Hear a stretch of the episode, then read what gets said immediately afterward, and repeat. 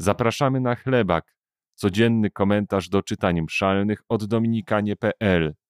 Dzisiaj usłyszysz Jacka Hajnosa z Gdańska i Dawida Grześkowiaka z Warszawy. Z pierwszej księgi machabejskiej. Do miasta Modim przybyli królewscy wysłańcy, którzy zmuszali do odstępstwa przez uczestnictwo w składaniu ofiary. Wielu z pomiędzy Izraelitów przyszło do nich a Matatiasz i jego synowie zebrali się razem. Wtedy królewscy wysłańcy zwrócili się do Matatiasza ze słowami: Ty jesteś zwierzchnikiem, sławnym i wielkim w tym mieście, a podtrzymują cię synowie i krewni. Teraz więc ty pierwszy przystąp i wykonaj zarządzenie króla, tak jak wykonały wszystkie narody, mieszkańcy Judy i ci, którzy pozostali w Jeruzalem – a ty i twoi synowie będziecie należeli do królewskich przyjaciół. Ty i synowie twoi będziecie zaszczyceni darami w srebrze i złocie oraz innymi podarunkami.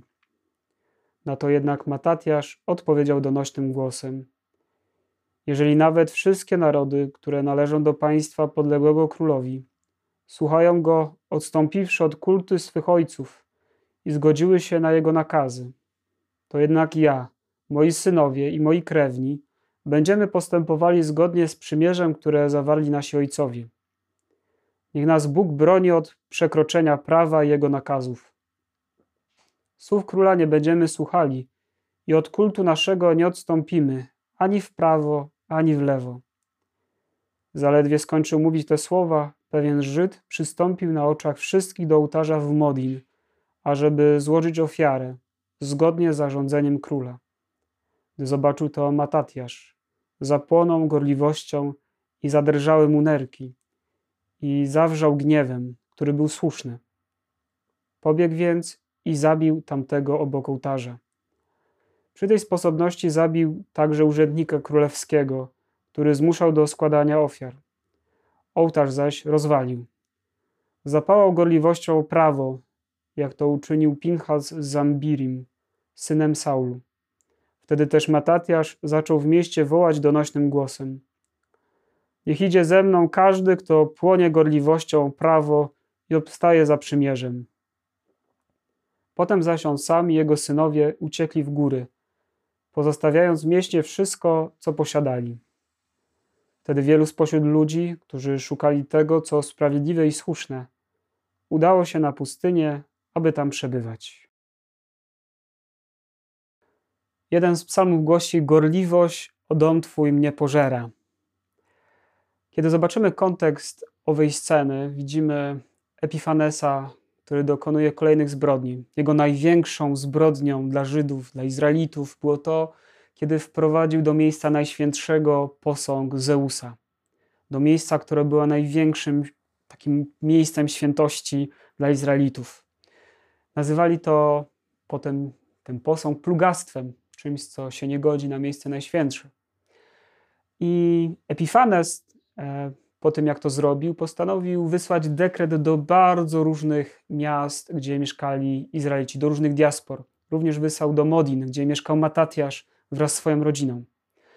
I tam, kiedy przeczytano dekret o tym, że mają teraz być Izraelici posłuszni prawom Epifanesa, który zabraniał religii Żydom wyznawanie prawdziwej wiary, widzimy scenę, w której publicznie zachęcono Matatiasza, żeby złożył ofiarę, potwierdzając, że zgadza się z dekretem Epifanesa. Oczywiście Matatiasz, mówiąc nawet, że gdyby dostał największe skarby tego świata, on i jego synowie, jego rodzina nie zrobią tego. Ale dokładnie w tym momencie, kiedy on to powiedział, widzimy scenę, że ktoś składa ofiarę, składa ofiarę z jego narodu. W Matatiaszu wzbudziła ta sytuacja taki gniew, słuszny gniew, e, że postanowił zabić tego konkretnego człowieka i również urzędnika państwowego. Można powiedzieć, że był to moment wielkiego powstania Matatiasza i jego synów, które nazywamy powstaniem machabejskim. Powstaniem walki o to, aby religia izraelska wyznawania Boga Jahwe była legalna, żeby jej nie zabraniano. Można powiedzieć, że dla nas na poziomie duchowym ta scena opowiada o tym, że my czasami w życiu codziennym e, jesteśmy w takim letargu, tak się przyzwyczailiśmy do pewnych rzeczy, że już przekraczania konkretnych praw, e, że ktoś jest w piątek, że no nie wiem, e, ktoś jest nieczuły na to, że można powiedzieć, ktoś kogoś osądza, ocenia, e, obmawia. E, powoli stajemy się nieczuli na przekraczanie prawa, na przekraczanie prawa miłości. Matatiasz nas uczy, ażeby nie być, nie wchodzić w dialog z takimi rzeczami, ażeby być trzeźwym i codziennie robić rachunek sumienia, czy aby na pewno nie przyzwyczaiłem się do złych rzeczy, czy jest we mnie w sercu niezgoda na to, ażeby nie praktykować rzeczy, nawet drobne, które sprzeciwiają się miłości.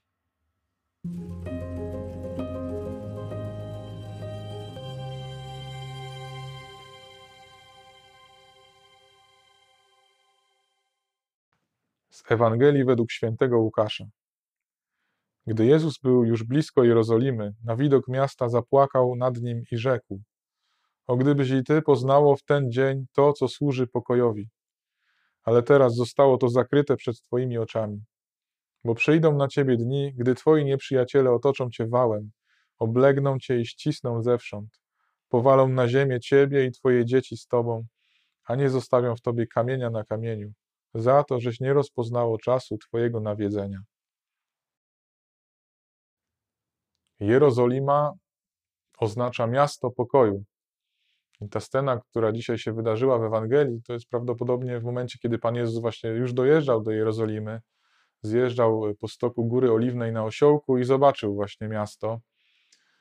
Dzisiaj stoi tam taka świątynia, kościół, który nazywamy Dominus Flevit, właśnie Pan zapłakał.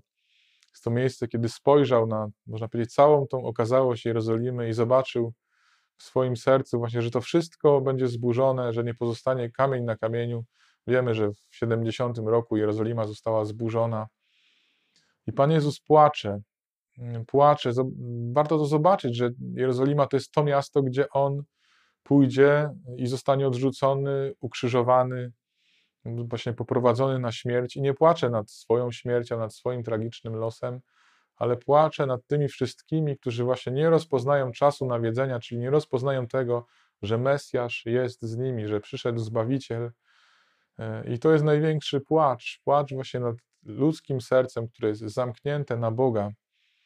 A Jezus to jest przecież książę pokoju, ten, który przyszedł skierować nie tylko kroki Izraelitów, ale każdego z nas na drogi pokoju, Myślę, że każdemu z nas może się zdarzyć takie właśnie niezauważenie czasu nawiedzenia, gdzieś jesteśmy zabiegani.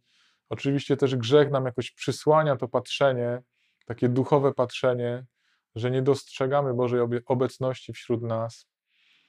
Dobrze jest y, znaleźć taki moment, może właśnie przy tym słowie. Pan Jezus płacze też nade mną i chce przyjść do mojego serca, chce je odkupić, chce zbawić, chce przede wszystkim, aby zakrólował w nim pokój.